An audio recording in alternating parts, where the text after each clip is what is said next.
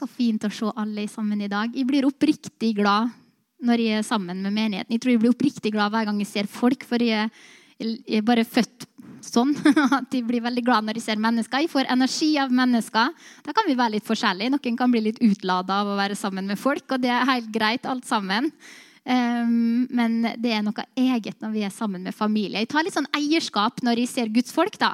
Um, og det syns jeg vi alle sammen kan gjøre. Jeg har sagt det til mange at Så langt jeg bryr meg, så er jeg medlem av hver eneste kirke i byen vår. Og for så vidt over hele kloden. Jeg vet ikke hva pastorene tenker om det, men det gjør meg ingenting. Fordi vi er ett folk. Vi har én ånd, vi har én Herre og én dåp. Vi hører sammen. Vi er familie. Enten du vil det eller ei, så er jeg i familie med det. og du med meg. Um, I dag skal få opp et bilde på veggen som vi har lyst bare skal stå der mens vi skal snakke. Jesus og folka hans. Jesus og hans disipler. I dag skal vi snakke om bevisst disippelskap. skal vi snakke om i dag. Um, og det er ikke bare for nyfrelste. Det er ikke sånn nyfrelst uh, liksom, oppfølging som du er på her i dag. Det trenger vi hele livet å jobbe med å videreutvikle. Det fins alltid noe nytt. Alltid et nytt steg med Jesus. Alltid en ny utvikling.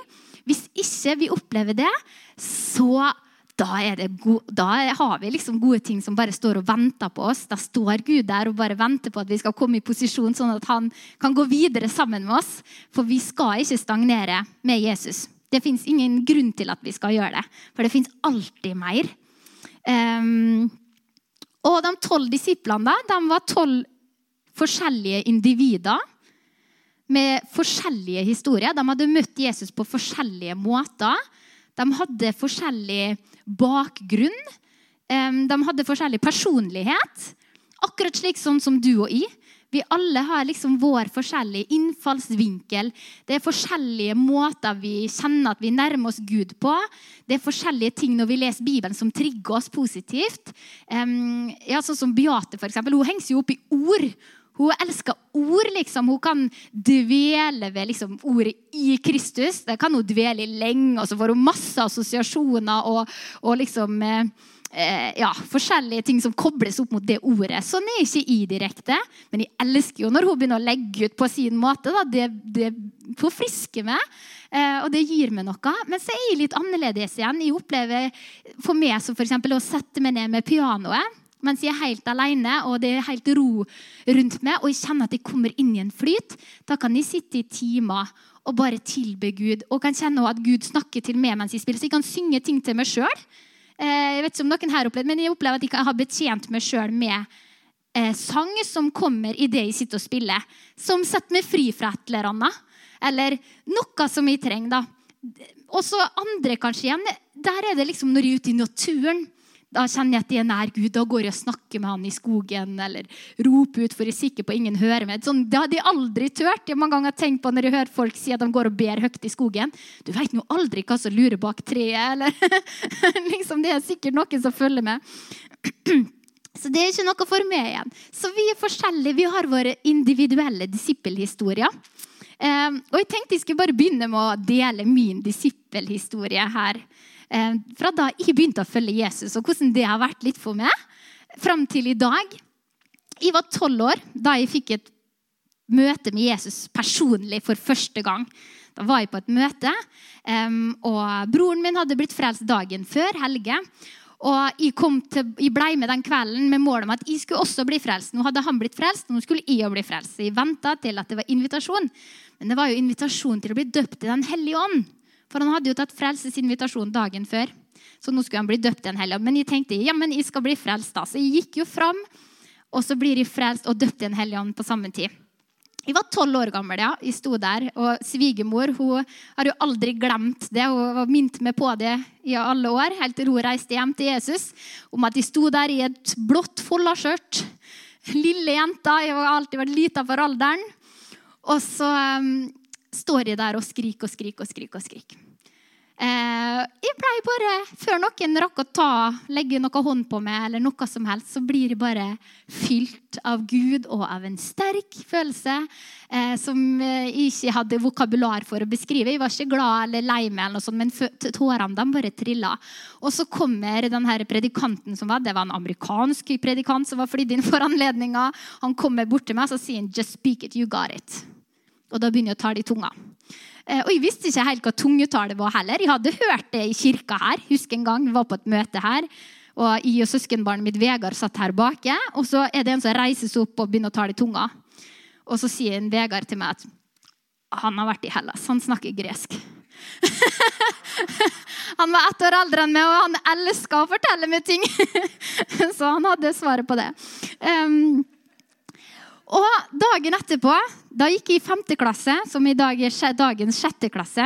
Og jeg husker vi hadde sløyd. Og mens jeg står der, og vi alle var på hver vår sløydbenk, så løfter jeg så si høyt Jeg har tatt imot Jesus og blitt frelst.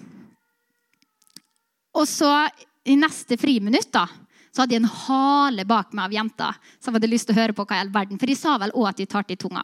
Så de fulgte etter meg og hadde så lyst og lurte på kan ikke du snakke i tunga, så vi får høre hva det er for noe. Men det gjorde ikke da. Det var litt kostbar. Um, ja, Men jeg vedlikeholdt ikke den opplevelsen. da. Som tolvåring så var jeg veldig, jeg kjente at noe endra seg på innsida. Og det var veldig konkret, og hvor jeg merka at jeg hadde fått noe på innsida, noe som verna meg, noe som ga meg trygghet og stabilitet og glede. Så jeg kjente noe var annerledes, men jeg vedlikeholdt det ikke. Jeg begynte ikke å lese Guds ord. Så jeg hadde både Pappa han kjøpte jo Bibel til meg, tok med meg og kjøpte rosa bibel, inngravert Elin Maria Valberg. Um, og, men det var jo så tynne sider på den, da, og den var så lefsete, så jeg kunne jo ikke lese. Og så broren min og, og så mamma da, de prøvde jo å gi meg, da ga de meg en sånn bibel med hard perm. da. Nei, Jeg måtte jo finne stadig nye unnskyldninger for hvorfor jeg ikke skulle lese Guds ord. Så jeg huska at jeg merka at jeg glei litt unna Jesus. Den der gnissen som vi hadde fått, og den første opplevelsen den dabba litt av. Men jeg, Troa mi var tydelig fortsatt, men jeg hadde ikke den nærheten. Så husker jeg En stund seinere kom det noen som møtte meg på fotballbanen i Nordbyen, der vi bodde, og sa har du, har du blitt sånn her kristen, liksom? Eller eh, han, begynte, han spurte i hvert fall et eller annet. Og da bare Da har ikke du noe med, var responsen min da. Um, og så går det halvannet år. Og så blir jeg med på en nødhjelpstur til Romania. Da var jeg 13 og et halvt år. Eh, og vi kjørte en gjeng med buss, en gammel buss. Halve bussen var full av nødhjelp, og andre halve bussen var full av folk som skulle til Romania på nødhjelpstur. Eh, og det var veldig herlig. Og vi dro dit, og vi leverte ut klær. og Da var jeg 13 år. Det var en kjempebra opplevelse å se en kultur og en nasjon der hvor vilkårene var helt annerledes enn det som jeg kjente til. Så det i seg sjøl var jo fint. Eh, og så underveis på turen, og da var min ungdomsleder, som da var en voksen mann og jeg var tenåring, det var Finn Jørgen Kanstrøm, min mann i dag. Men da var det helt andre ting. Eh, eller ja, en helt annen type relasjon da. Det var ikke snakk om noe ekteskap. Som 13-åring så sier han til meg og andre ungdommer som var med, turen, var med på turen, at be Gud, bare si til han at Gud, i dag ønsker jeg mer av det enn jeg hadde i går. Jeg vil ha mer av det i dag enn det som jeg hadde i går. Og så gjorde jeg det, da. Jeg sa OK, Gud, jeg har lyst på mer av det i dag. Neste morgen, Jeg måtte jo vente til neste morgen før jeg kunne si den bønnen. Så neste morgen så sier jeg det. Gud, jeg vil ha mer av det i dag enn jeg hadde i går. Og et eller annet hadde skjedd på innsida av meg da, som gjorde at jeg hadde ikke lyst til å være med på markedet den dagen, for jeg måtte være tilbake og lese Guds ord.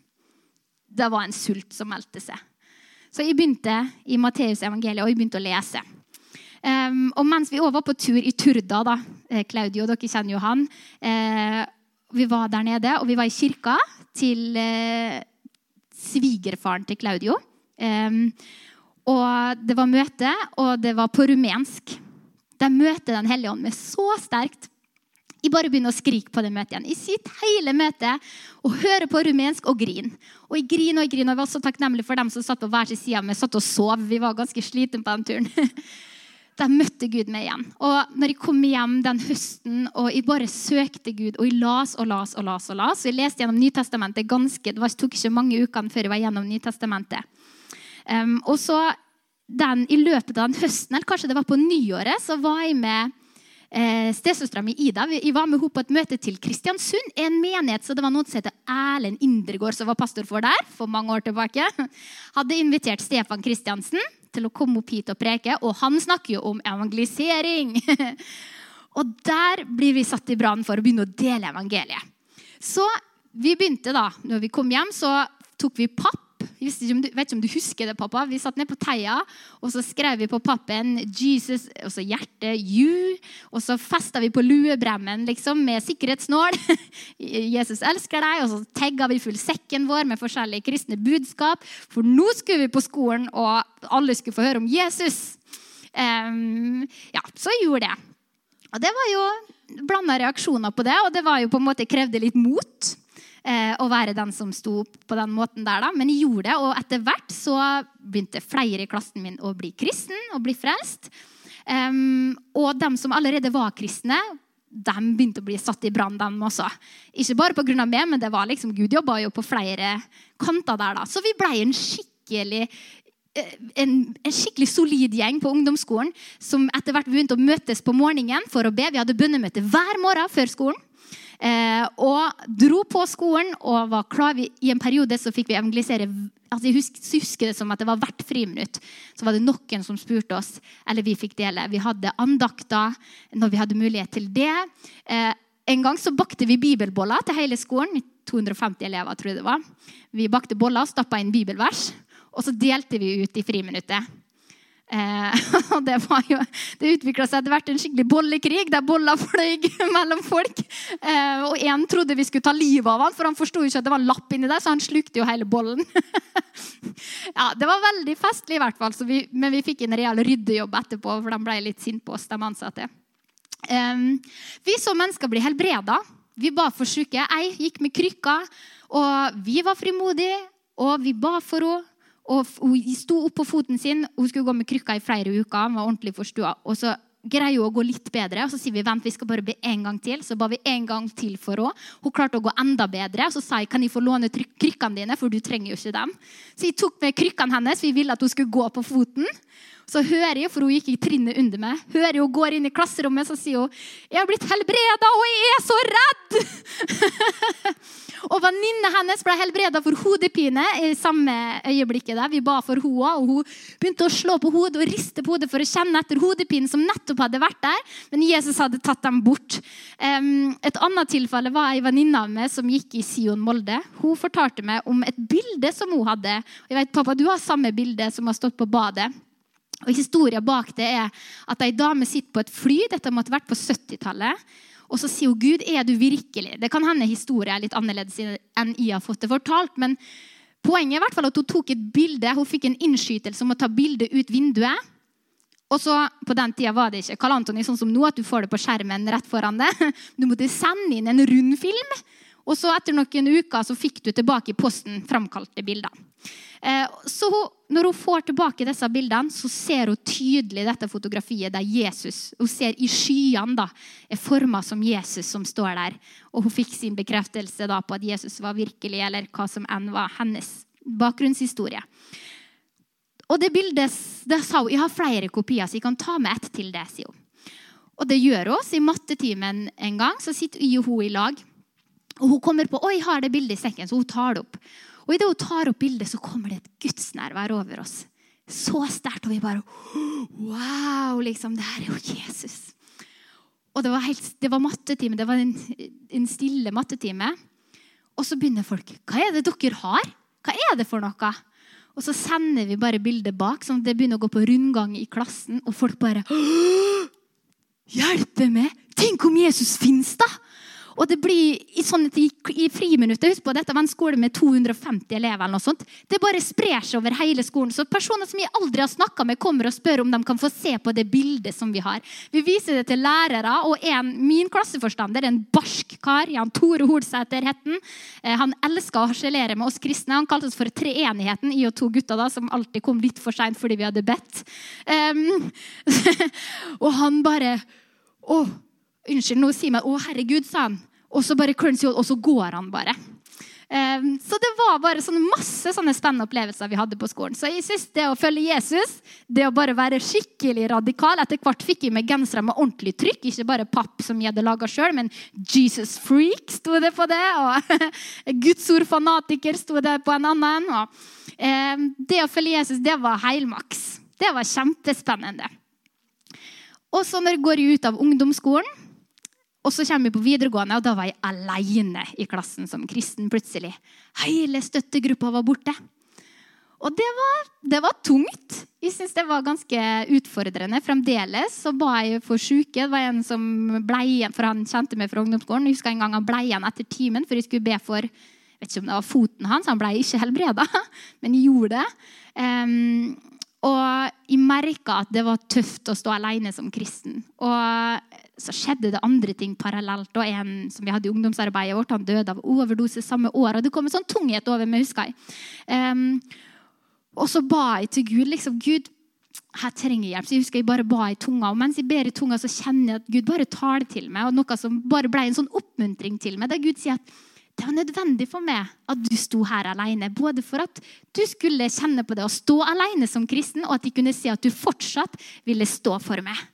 Og når jeg da kjente at å, det her kan de ta litt som en sånn test òg, en prøvelse, da fikk jeg motivasjon til at det her skal jeg stå for. Og jeg gikk på vei til videregående, og så sang jeg inni hodet mitt denne, Jesus spør om du er tøff nok til å vise hvem du hører til. Den gikk opp og manna meg opp til å komme til skolen. jeg ville følge Jesus. og så etter videregående, mens jeg gikk på videregående, da, så så fikk jeg en deltidsjobb, så jeg begynte å jobbe i, på Rimi-året, som det var da. Um, og så når jeg var ferdig på videregående, så var det liksom en litt sånn uh, avtale om at da skulle jeg begynne å jobbe der fast. Um, så jeg fikk uh, tildelt liksom en del av turnusen. Det her skal du jobbe. Um, og så ta, når jeg får den turnusen, så bare kjenner jeg Uff! Det her, det er feil. Jeg skal ikke ha den jobben her det er ikke her Gud vil ha meg. Og det synes jeg var supervanskelig. Jeg sa, Hva er det jeg vil gjøre? da? Jo, jeg har lyst til å jobbe i menigheten. Det er det jeg kjenner jeg har lyst til å gjøre. Men jeg hadde ingen jobb i menigheten. Det var ingen som kunne lønne en ungdom i menigheten. Men jeg tenkte hvis penger ikke er noen hindring, eh, og hvis jeg kunne velge liksom akkurat hva jeg vil, så har jeg lyst til å jobbe i menigheten. Så jeg hadde en natt der jeg kjempa veldig med at jeg liksom måtte gå tilbake til jobb. og jeg vet ikke om noen gang, noen gang har gått til en sjef og sagt at nå har du sittet og jobba med den turnusen og fått alt endelig til å gå opp, og så er det en som kommer og roter til alt med at de vil ikke ha den stillinga som du har satt opp. da. Så jeg grudde meg så inderlig. Men jeg gikk i hvert fall og sa til sjefen at jeg, jeg vil ikke ha den jobben. Um, og at de hadde lyst til å jobbe i menigheten, da. Men at de kunne være ringehjelp og sånn. Og så troppa jeg bare opp på menigheten etter det. Og det var ikke sånn at de var det, man, ikke uinvitert, altså. De, det var greit, og det var absolutt behov for meg, men de kunne ikke gi meg en lønna stilling. Så istedenfor å gå ut i en sånn fast jobb eller videre studier, så, så, jeg, så dro jeg på kontoret og, jobb, og bare gjorde sånne påfallende kontorarbeid. Um, og da fikk jeg jo også annet ansvar etter hvert og vokste inn i forskjellige ting. Og det ble en tid for meg. Jeg satt ofte alene på det kontoret, noe som er ganske unaturlig for en veldig utadvendt person. Men det er liksom det nåde for det å være den plassen der Gud vil ha det.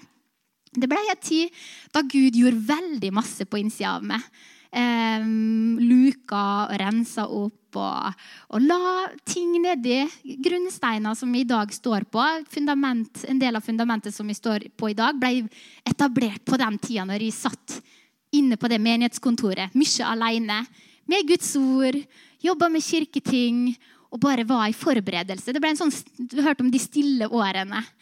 Eh, ja. Kjempetakknemlig for det i dag, og jeg er overbevist om at jeg ville ikke vært her er i dag hadde det ikke vært for at jeg tok det valget. At jeg kjente, Når jeg kjente jeg skal ikke begynne å jobbe på butikken her, det er helt feil. Jeg ble, jeg ble fysisk dårlig av tanken um, og fulgte Guds ledelse. Og så ble jeg etter hvert gift, og vi tok et år sammen på et kristent universitet hvor vi eh, tok noen teologiske fag. Og blant annet så fikk jeg studere gresk. Det hadde alltid vært en drøm å få lese Bibelen på grunnteksten. Og dette her med bibeltolkning, noe som ga meg et litt mer fast fundament igjen. Eh, og bredda meg. Fordi jeg hadde vokst opp i det som vi kaller for trosbevegelsen. liksom. Veldig spissa i én retning. Og det her, liksom, det er greien. men der skjønte jeg at oi, men jeg er jo del av et stort legeme. Um, og vi alle hører sammen. Så det bredda liksom perspektivet òg. Sånn um, Kristi kropp, da, messig, hvis du ser det på den måten. Skjønte at vi var en del av en stor og en herlig historie der vi liksom Det starter jo med én åre, hvis du tenker fra de første kristne. Og så blir det først én splittelse. sant? Og så blir det mange, Hvis du ser det som et tre, da, du har stamme, og så blir det en splitning, og så blir det masse masse små greiner. Og så sitter vi der helt på tuppen og tenker at vi har det. Men at de tilhører hele det treet her. Eh, og at vi trenger hverandre. Jeg trenger den historien. Eh, og at jeg kanskje kutter meg sjøl av heller fra det treet, og osv. Så, videre. så det ble så bra. Kjempebra. Og når vi kom hjem fra det året eh, i Sverige så begynte jeg å få kontakt med andre kristne i byen. fra forskjellige menigheter. Og, vi, og det her har jeg bekjent for biskopen. Um, i også Ida, Dere kjenner Ida. jeg vet Hun syns det er helt greit at de sier at det her gjorde vi. hun får være med å ta sin del av skylden. For vi printa på et tilfelle så printa vi ut masse plakater med evangeliske budskap. Det var bl.a. to jenter som liksom hoppa og spratt langs veien, og så står det 'Vi skal til himmelen. Hvor skal du?' Eh, og 'Jesus elsker deg', og 'Gud har humor', 'Se på apene'. Og også på en av plakatene så sto det 'Gud gjør ingen religiøs'. Og det klistra vi på domkirkedøra og teipa opp. Det var litt det synet da, som vi hadde, at når det var liksom et ritual involvert, eller sånn ordna system, og sånn, så var det ikke liv i det. Um, og det fikk jeg korrigert. Takk Gud for at jeg fikk nåde til å korrigere det synet. For når vi kom tilbake igjen, så husker jeg annet jeg var på en sånn eh, planleggingssamling sammen med domprosten og, og ja, noen fra Nordmisjon. Og så var de vel i, da. Vi skulle planlegge en felleskirkelig gudstjeneste som vi skulle ha i byen. Og så sier hun dama fra Nordmisjon Å, du, jeg har en bønn som jeg har lest så masse i det siste, og som jeg syns er så bra. Og hvis du sier 'les en bønn', så ville jeg datt av for lenge siden som karismatiker og tenkt at oi, nei, det må jo være fra hjertet hvis du skal be en bønn. Det må komme fra hjertet. Men så så jeg da når hun leste opp den bønna for oss, så så jeg at det kom jo virkelig fra hjertet hennes. Hun leste den, og den hadde blitt hennes egen. Og det hadde inspirert hun i hennes gudsrelasjon, og det her var fra hennes hjerte. Og mange sånne andre fordommer som vi hadde, som bare fikk ramla av én etter én. Um, ja rundt samme tid, det var egentlig mens vi var eh, studenter eh, i Sverige, da, da fikk jeg oppleve det. Men jeg fikk en heftig dødsangst, rett og slett. Jeg hadde akkurat gjort ferdig greskeksamen, og jeg visste jeg hadde fått A. Jeg hadde klart alt.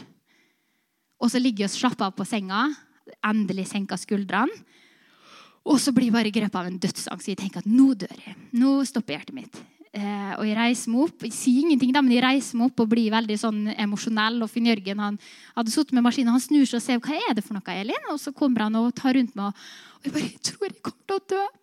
Og jeg bare kjente det så En sånn intens dødsfrykt um, som flykter meg egentlig over noen måneder. Og det, det, leder også inn i en depresjon. For hvis du tror som Da var jeg 21-22 år.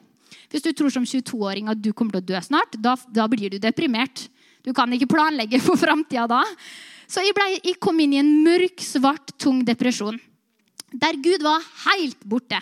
Jeg kjente ingenting fra Gud. Og jeg sa til Gud Gud, hadde det ikke vært for alt jeg har opplevd med det fram til dette punktet, så hadde jeg ikke greid å tro at du fins lenger. Jeg var under en stengt himmel.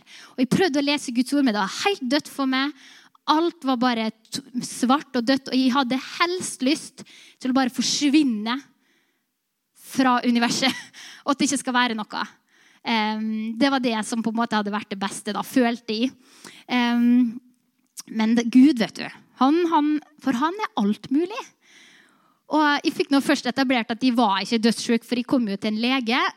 Og, og, han ser på meg og så gjør han diverse undersøkelser og så sier han, nei, du er helt frisk. Du. Det du har, det er angst. Og så sier jeg å, så bra, det kan jeg jo bli fri fra. For jeg har vandra i kristne kretser lenge. Jeg hadde også sett mamma bli fri fra angst. Og så ser han på meg og sier nei, det kan du ikke. Du, du, må, du, må, lære deg å bli venn med angsten. La angsten bli din venn. Eh, og så finner du deg en psykolog. Og sånn da. Og så tenkte jeg ok, whatever. Han kjenner ikke Jesus, men det gjør jeg, så jeg hørte ikke på resten av det han sa. Eh, og så når vi kommer på det første møtet etter ja, altså Det hadde vært juleferie da, alt i den prosessen der. Når jeg kommer tilbake igjen til universitetet og til Livets Ord, som var den kirka som vi var i der, da, første møte som vi var på, så var tittelen på preken 'Veien ut er opp'. Og det, helt oppsummert, ble det, altså det oppsummeringa på hele reisa mi ut av angst og depresjon. Veien ut, den er ikke ut, den er opp. Og Da så jeg for meg at jeg, okay, jeg føler at jeg står foran en skikkelig labyrint. her. Jeg aner ikke om jeg skal gå til høyre eller venstre. Jeg har aldri møtt det her før. Jeg vet ikke hvem jeg skal snakke med, jeg vet ikke hvordan jeg skal håndtere det. her. Jeg blir slukt av en følelse som gjør kroppen min skjelv. Ja, det var helt grusomt. Eh, du kan ikke flykte fra det. Det skjer jo i deg sjøl. Og den som har opplevd det, vet akkurat hva jeg snakker om. Eh, men jeg så for meg at veien ut den er ikke ut, den er opp. Så hvis jeg bare kan fortsette å dra meg nær til han, så kommer jeg, meg, gjennom det. Og jeg ser for meg at han sto der over den labyrinten, og han har fugleperspektiv.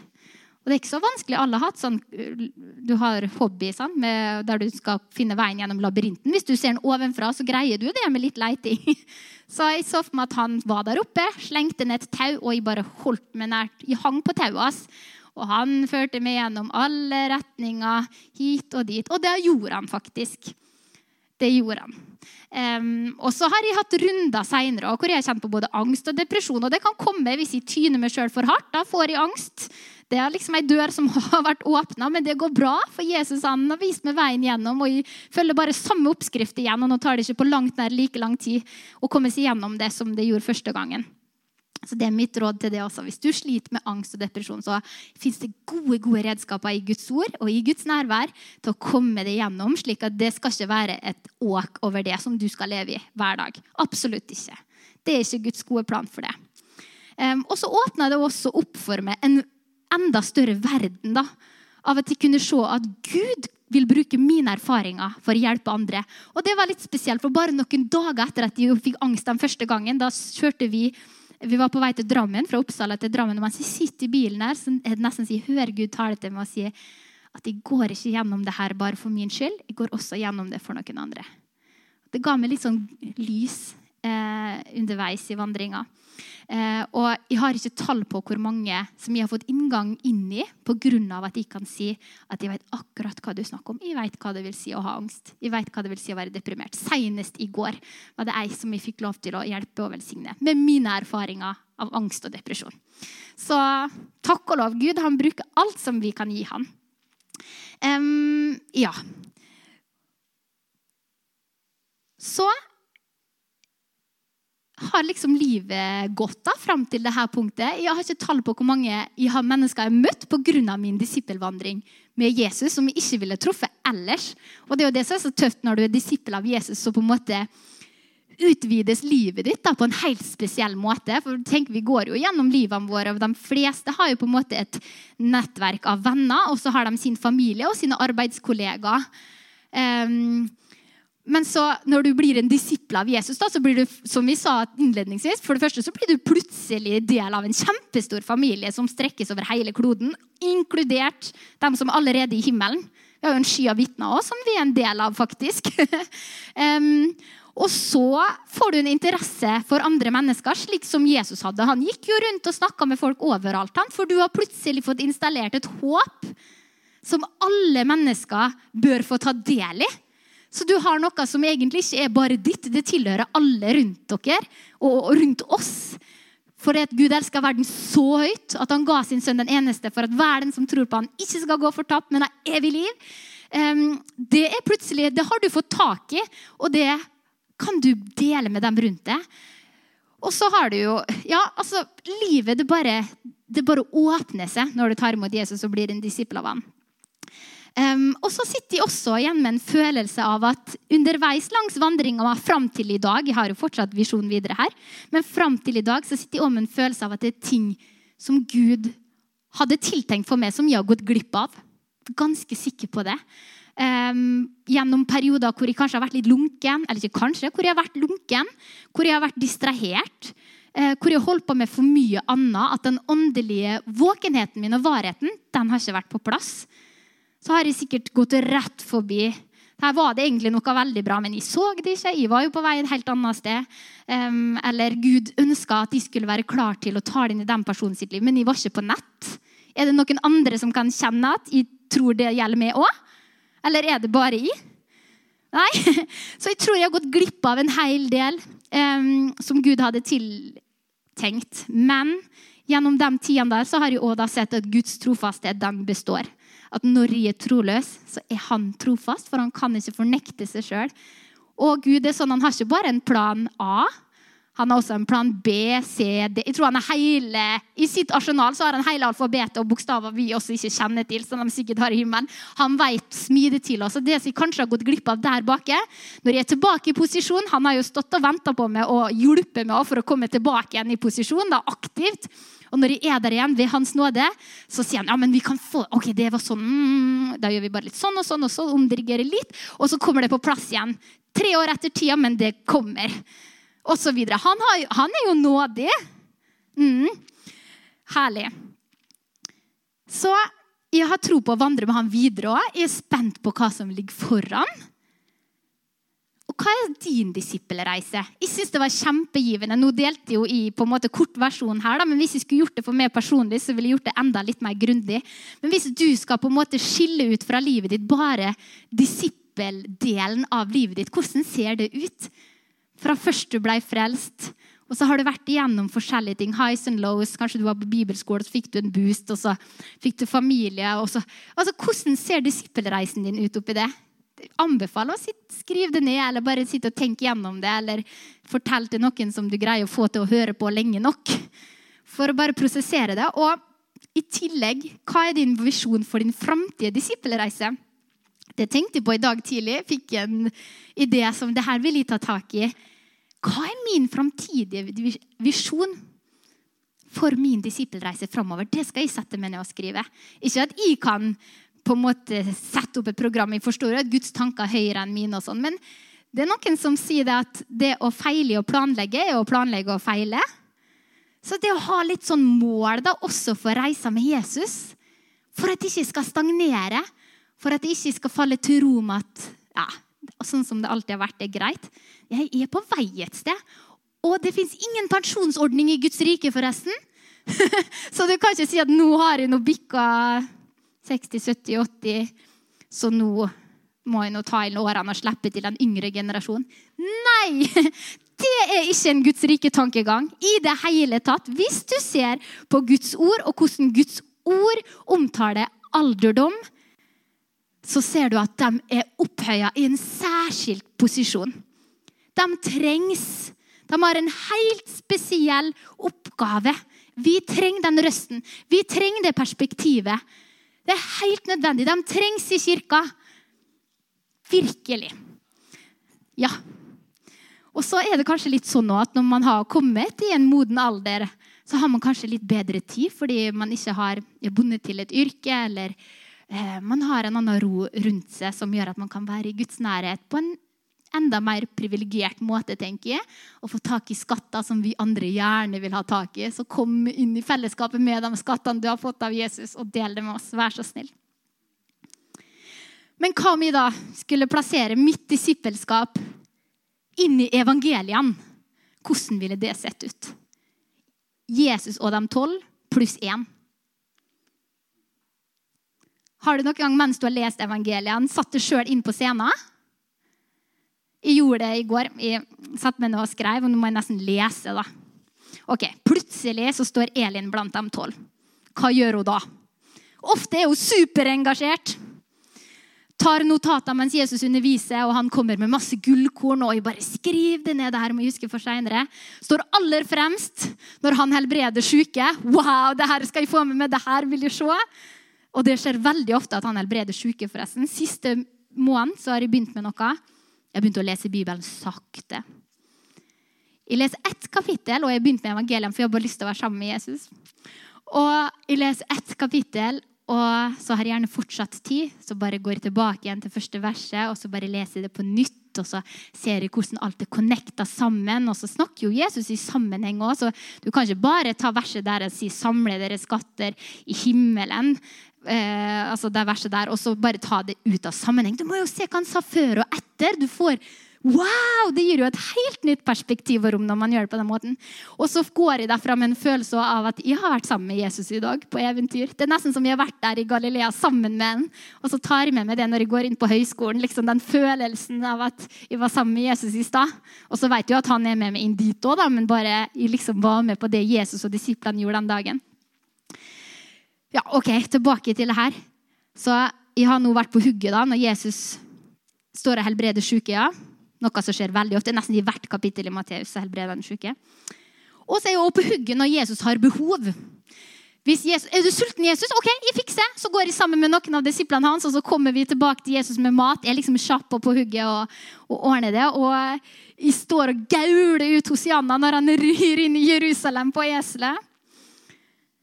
Men innimellom da, så er jeg ganske distrahert av ting som dukker opp langs veien. Interessante ting som fanger oppmerksomheten. Og Enkelte dager har hun ikke møtt opp engang fordi hun er helt opptatt av andre ting enn det Jesus holdt på med.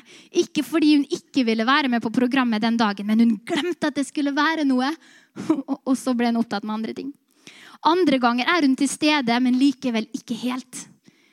Hun sitter på en stein, litt i utkanten. Sant? Jesus og disiplene de er der, og jeg sitter med ryggen til på en stein og scroller på telefonen min. Eller jeg er engasjert i et debattinnlegg og liksom kommentarfeltet på Facebook. Prøver å overbevise andre om at de er helt på jordet, og at de må høre på meg. Og ganske ofte det her, nå snakker jeg ut fra min, altså. Ganske ofte er hun nesten mer ivrig enn Jesus til å prøve å hjelpe mennesker. Og være med på alle mulige slags aktiviteter og hendelser rundt om. Så hun går glipp av de stundene hvor Jesus trekker seg tilbake sammen med disiplene sine for at de skal få hvile seg litt og hente kraft, ny kraft hos Faderen. Og Resultatet av det er at hun blir litt utbrent. rett og slett. Så over en periode kan hun ikke delta så mye, men Jesus er ute. Men hun får brukt verdifull tid for seg sjøl og hentes inn igjen da. Det hadde kanskje ikke vært nødvendig om hun bare hadde vandra i takt med Jesus. Men innimellom så vandrer hun litt av gårde i egen kraft. Og alt gjort i beste mening. Men det var ikke helt det som Jesus hadde tenkt, og det som trengtes for stunden. Har du tenkt på det når Jesus sier til disiplene sine kom Vær litt avsides en stund, så dere kan hvile dere. Og Har du lagt merke til alle gangene det står at Jesus trakk seg tilbake for å be? Han trengte den tida, og det gjør vi som Jesus, Jesus sine disipler. Vi må vandre i takt med han. Vi må leve slik som han gjør. Vi kan ikke forvente at vi kan springe hele tida, for Jesus gjorde ikke det heller. Hører du? Nei da. Men overført til vår tid, da, som disipler i dag, holder vi på med det samme som Jesus gjør? Er vi opptatt av de samme tingene som han? Vandrer vi i takt med han? Hva er disippelskap? Hva innebærer det å være en Jesus-disippel? Og er man automatisk en disippel bare fordi man tror på han? Har du stilt deg sjøl det spørsmålet før? Er man automatisk en disippel? Og kan det være at jeg kan være en disippel av Jesus på noen områder av livet mitt, men ikke på andre områder av livet mitt? Noen har kanskje et utvikla andaktsliv. Ja, de bruker jo den uh, tida på morgenen, liksom. Men så går de ut i jobben, og så har de lagt fra seg alt.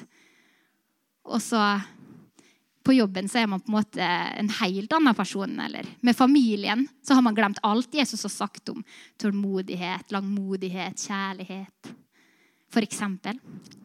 Eh, definisjonen på disippel, da, det altså pronomenet disippel Nei, ikke pronomenet, men substativet. Det kommer fra det latinske ordet 'discipulus', og det betyr student, en som lærer, en som etterfølger.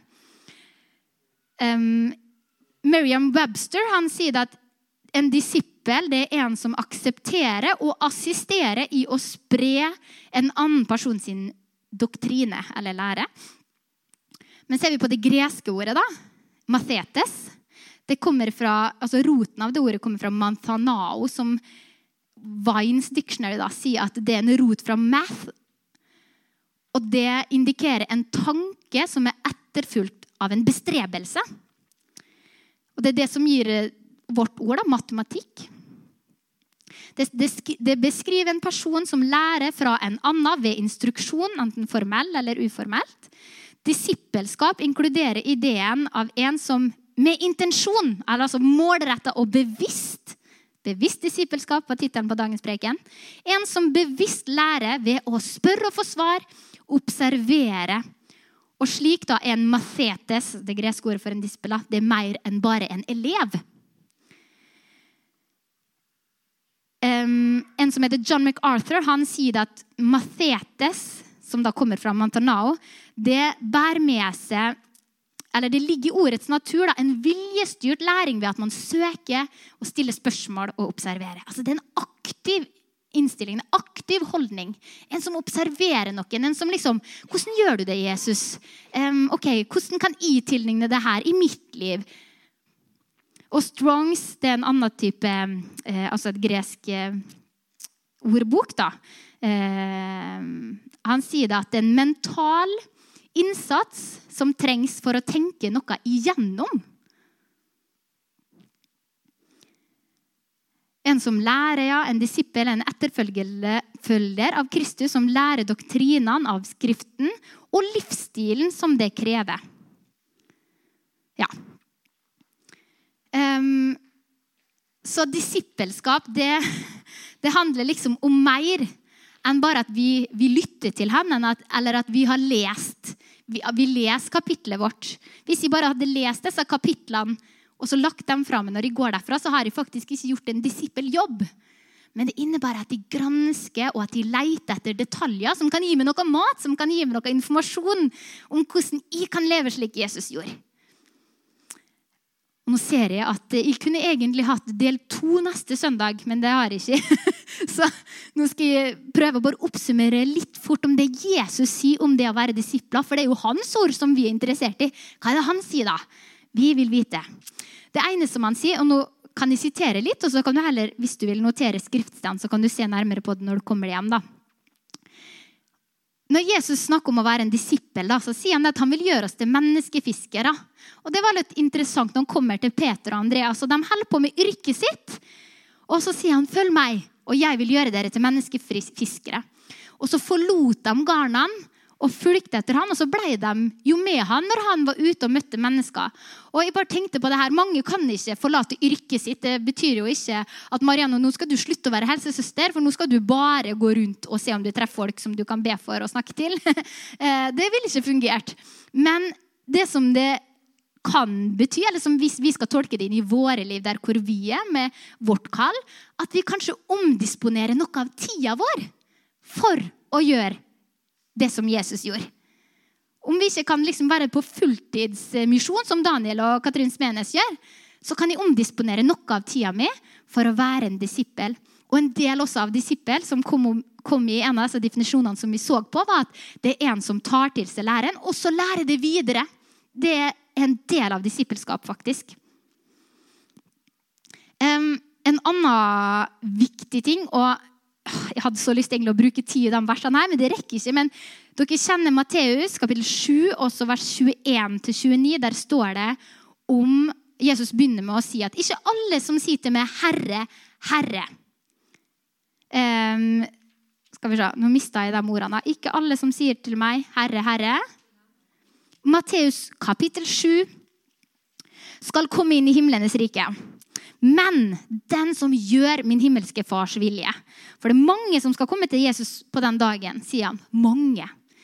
Har vi ikke profetert? Har vi ikke gjort mektige gjerninger i ditt navn? Og jeg skal si til dem, jeg har aldri kjent dere. Gå bort fra meg, dere som driver med lovløshet. Og så sier han derfor. Og da bygger han, da Her snakker han om disipler også. Når han da går på og sier 'derfor' i neste. Det er ikke bare en søndagsskoleleksjon som kommer i neste eh, versene her. Nå har vi snakket om huset bygd på fjell. Vær den som hører disse mine ord og gjør etter dem. Han vil jeg sammenligne med en klok mann som bygde huset sitt på fjell. Så en disippel er en hører og en gjører.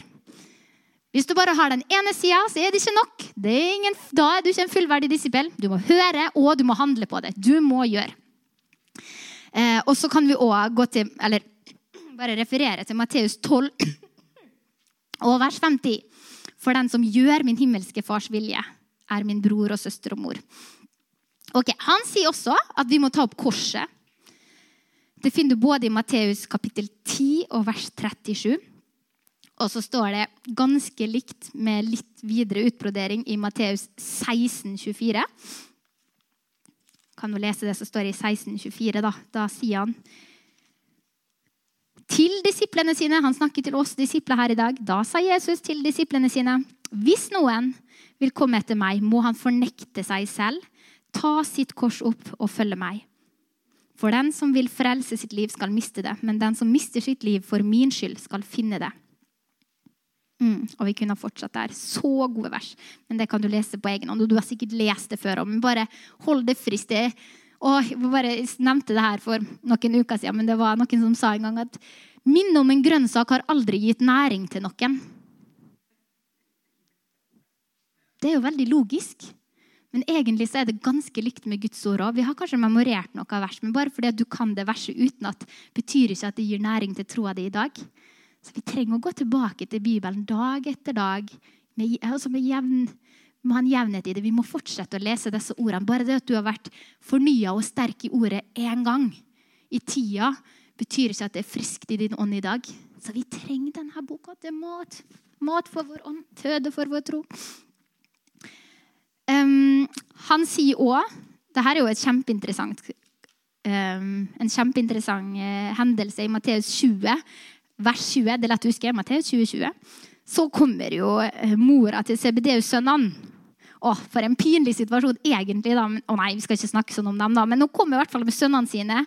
Og så sier hun liksom Kan ikke du si at disse to sønnene mine kan få sitte den ene ved den høyre sida av trona di og den andre ved venstre sida av trona di?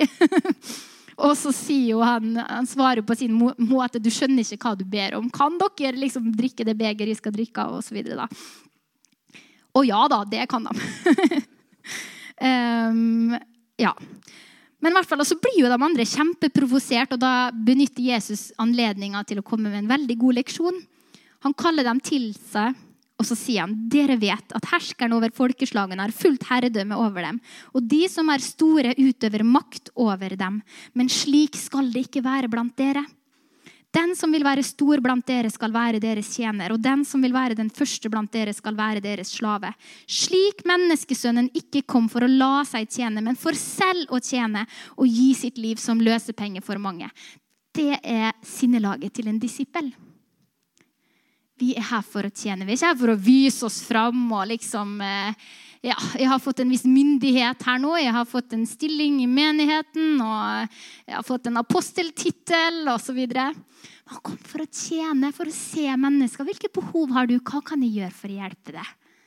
Det er sinnelaget til en disippel. Um, og så, bare det her leste jeg for noen dager siden. Jeg ble, synes det her var så bra. Jeg har ei veldig god venninne som over en tid ikke har vært i jobb. og Hun sitter veldig mye og studerer Guds ord. Hun elsker å studere Guds ord. og Nå har hun vært inne i endetiden og liksom Johannes' åpenbaring og syns alt er så spennende. Og så har hun samtidig liksom kjent litt på at jeg føler meg litt unyttig, for hva bidrar jeg med inn i samfunnet? Um, jeg gjør liksom ikke noe annet enn å lese. Guds ord. Um, og så gjør hun egentlig veldig mye annet, men det er ikke så lett å se sjøl. Men så leser jeg det her da, og tenker det skal jeg dele med henne. Det deler jeg med oss her i dag òg. Her snakker Jesus om endetida, og så snakker han om å være beredt. Vi veit ikke um, når Jesus kommer. Han kommer i en time vi ikke venter det. Og, og sjøl òg her Nå ser vi jo veldig mye. Vi hører om kriger, og det er rykter om kriger. Så sier Jesus, se da til at dere ikke blir skremt, for alt dette må skje. Men enden er ikke ennå. Det er ikke sikkert at Jesus kommer tilbake neste år, sjøl om vi ser veldig mye skje rundt på jorda. Så vi må ha olje på lampene fortsatt. og bare ha visjon for å ha olje på lampene lenge. Kjøp ekstra. Ikke Ikke sånn at du sovner, og så plutselig kommer Jesus, og så må du spørre noen andre, og så sier de at ja, men jeg trenger det sjøl. Ja, det her var noe internt til alle oss som har lest veldig mye i Bibelen. Men så sier Jesus da at den dagen eller timen kjenner ingen, ikke engang englene i himmelen, men bare min far. Og så at vi skal være beredt. Og så Kapittel 24, vers 45. Hvem er da den trofaste og kloke tjeneren som Hans Herre har satt til å styre over sitt husfolk for å gi dem mat i rette tid? Salig er den tjener som Hans Herre finner opptatt med dette når han kommer. Sannelig sier dere, han skal sette dem over alt han eier. Så det skal vi være opptatt med, i hvert fall. Med å dele ut mat, dele ut Guds ord. Gi videre det som vi har fått fra Jesus. Det skal vi være opptatt med. Vi vil være salige når han plutselig melder sin ankomst. Um, og så har vi jo selvfølgelig um, misjonsbefalinga. Jeg, jeg, leser ikke den nå. Um, men han sier at vi skal gå ut i verden. Vi skal lære dem og døpe dem. Så en disippel det sa jeg i sted, det er ikke bare en som lærer av Jesus for seg sjøl, men han lærer også videre det som han har fått. Og en disippel er en som Jesus er med alle dager inntil verdens ende. Til slutt så har jeg bare lyst til å ta oss til Markus kapittel 4 og vers 1 ja, Jeg skal ikke lese alt det her, men det her handler jo om såmannen som sår ordet. For jeg tenker, hvem er Eller når vi leser Guds ord, um, og vi er frelst og født på ny, og vi elsker Jesus, men, men hva lar vi hvor, hvor stort tak lar vi det få på oss? Jeg må ærlig erkjenne at det har gått lange perioder i mitt liv der ikke det har vært sentralt hvordan jeg enda bedre i dag kan følge Jesus enn jeg gjorde i går. eller eh, liksom har gjort over tid. Jeg har vært bevisst på at jeg ønsker å utvikle meg i min disippelvandring. Eller Jesus, hva har du for meg nå? Hva er det jeg burde ta tak i nå? Er det noe jeg burde avslutte? Er det noe jeg burde starte? Herre, tal til meg. Men likevel så er jeg veldig tydelig på å bekjenne at Jesus er min herre. Men er han det, da? I praksis er jeg en disippel av Jesus. Jeg ønsker å være en Jesu disippel på alle områder av livet mitt. Men er jeg det? Er det en realitet? Og Vi kan bare hoppe rett til vers 14, egentlig. for å, Dere har sikkert lest den her mange ganger. Så går vi til tolkninga. Hvilket jordsmonn er i? Og Da vil jeg bare at vi skal fokusere på hva er det som tar ordet i livet våre. For det tror jeg, det handler ikke bare om dem som hører ordet for første gang, men det handler om meg og det i benkeraden i dag når såmannen sår ordet. Og disse er de ved veien hvor ordet blir sådd. Når de hører, kommer Satan straks og tar bort ordet som ble sådd i deres hjerter. På samme måte er det med dem som blir sådd på steingrunn. Når de hører ordet, tar de straks imot det med glede. Men de har ingen rot i seg. Derfor holder de bare ut en tid. Når det senere kommer trengsel og forfølgelse for ordets skyld, tar de straks anstøt. Andre er de som blir sådd blant torner. De er slike som hører ordet. Men denne verdens bekymringer, rikdommens bedrag og lystne etter alt annet kommer inn og kveler ordet. Og det blir uten frykt. frukt. Ha, lystene etter alt annet kommer inn og kveler ordet. Så skyldig. Så mange ganger så har jeg Og det handler ikke om, altså, det handler ikke om syndige ting, men bare å, men nå har jeg så lyst til å holde på med det her. Jeg har blitt så inspirert på det her, så nå holder jeg på med det. liksom, Og så tar det bare oppmerksomheten min bort fra det som har med Gud å gjøre. Vi blir ikke så var og så åpen for hans stemme lenger. Vi blir så overengasjert i noe annet. Og Det er ikke feil å ha andre hobbyer. Gud til og med vil være sammen med oss i de andre hobbyene, men da er det en annen måte å gjøre det på.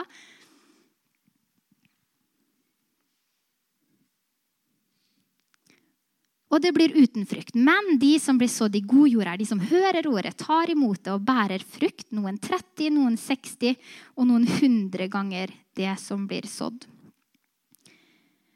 Og Vi ønsker å være blant dem da, som virkelig bærer frukt. Vi ønsker å bære frukt for Guds rike. Vi ønsker å, å herliggjøre Jesus gjennom våre liv. Vi vil at mitt liv at det skal få speile Han. At jeg kan få lov til å være en bærer av Det står at vi er Kristi velduft. Ved oss gjør han duften av sin kunnskap kjent på ethvert sted. Det ber jeg om. Det vil jeg skal være en realitet i meg, men det krever bevisst disippelskap.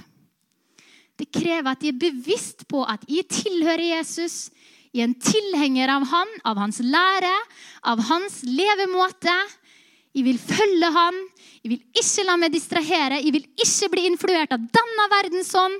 Når liksom, ja, men Alle gjør jo sånn, alle lever sånn, alle tenker på det, alle investerer inn sin pensjon. Og det er klokt, det. og sånn, men, men jeg vil ikke la det skal styre mine valg. Spesielt ikke hvis jeg kjenner at Gud leder meg i en annen retning. Jeg vil være en radikal Jesu etterfølger. Jeg er bevisst på det. Jeg har en, et målretta forhold til min disippelvandring. Jeg har lyst til å ta steg videre. Jeg har lyst til å lære mer. Jeg har lyst til å lese sånn som noen leser i Matteus. Jeg tror nå når jeg har kommet på slutten av Matteus, når jeg har lest Bibelen, sagt, jeg har lyst til å begynne på begynnelsen av Matteus igjen. faktisk. Jeg kan ikke hoppe videre i Markus. For jeg ser at når jeg leser sakte, og når jeg leser det igjen, så ordet knar på meg. Og jeg vil at disse ordene i Matteus skal kna litt videre. For det er ikke ferdig ennå. Og så kommer jeg sikkert å komme tilbake igjen dit. Og vi har jo mange år, vil jeg tro. Skal fortsette å jobbe med det her. Jeg vil at ordet skal få tak på meg og jobbe med meg og bearbeide meg. Og mest av alt fordi det gjør så innmari godt å være sammen med Jesus. Hans nærvær. Tenk at han gir oss av sitt nærvær. Sitt dyrebare nærvær. Vi har tilgang på det i hverdagen, folkens. For en nåde! Det tilhører oss. Å, han er så god. Jeg, blir, jeg kjenner at jeg liksom bare nå den måneden her jeg har levd i Matteus, jeg har blitt litt ekstra forelska i Jesus igjen, kjenner jeg. Det har liksom tent opp en sånn ny begeistring, sånn nyforelska følelse av Jesus. Han er fantastisk! Han kommer et sted, og så helbredet han alle som var der. Og hva er det som ligger i den lille leddsetninga, egentlig? Og så helbredet han alle som var der. Det er enormt! Det er min Jesus. Han er min. Mm. Og han er din. Og han vil ha mer av oss, og vi vil ha mer av han. Jeg har lyst til å avslutte med å synge en sang som egentlig den er litt sånn alvorstynga, og så avslutter den veldig herlig. Og Du har kanskje hørt den før, men jeg vil at den skal sitter litt sånn igjen i oss i dag. Ved livets slutt. Hva kan vi se tilbake på da? La oss være bevisste disipler i dag, sånn at vi kan sørge for at det vi ser tilbake på, kan være fylt av takknemlighet og ikke anger.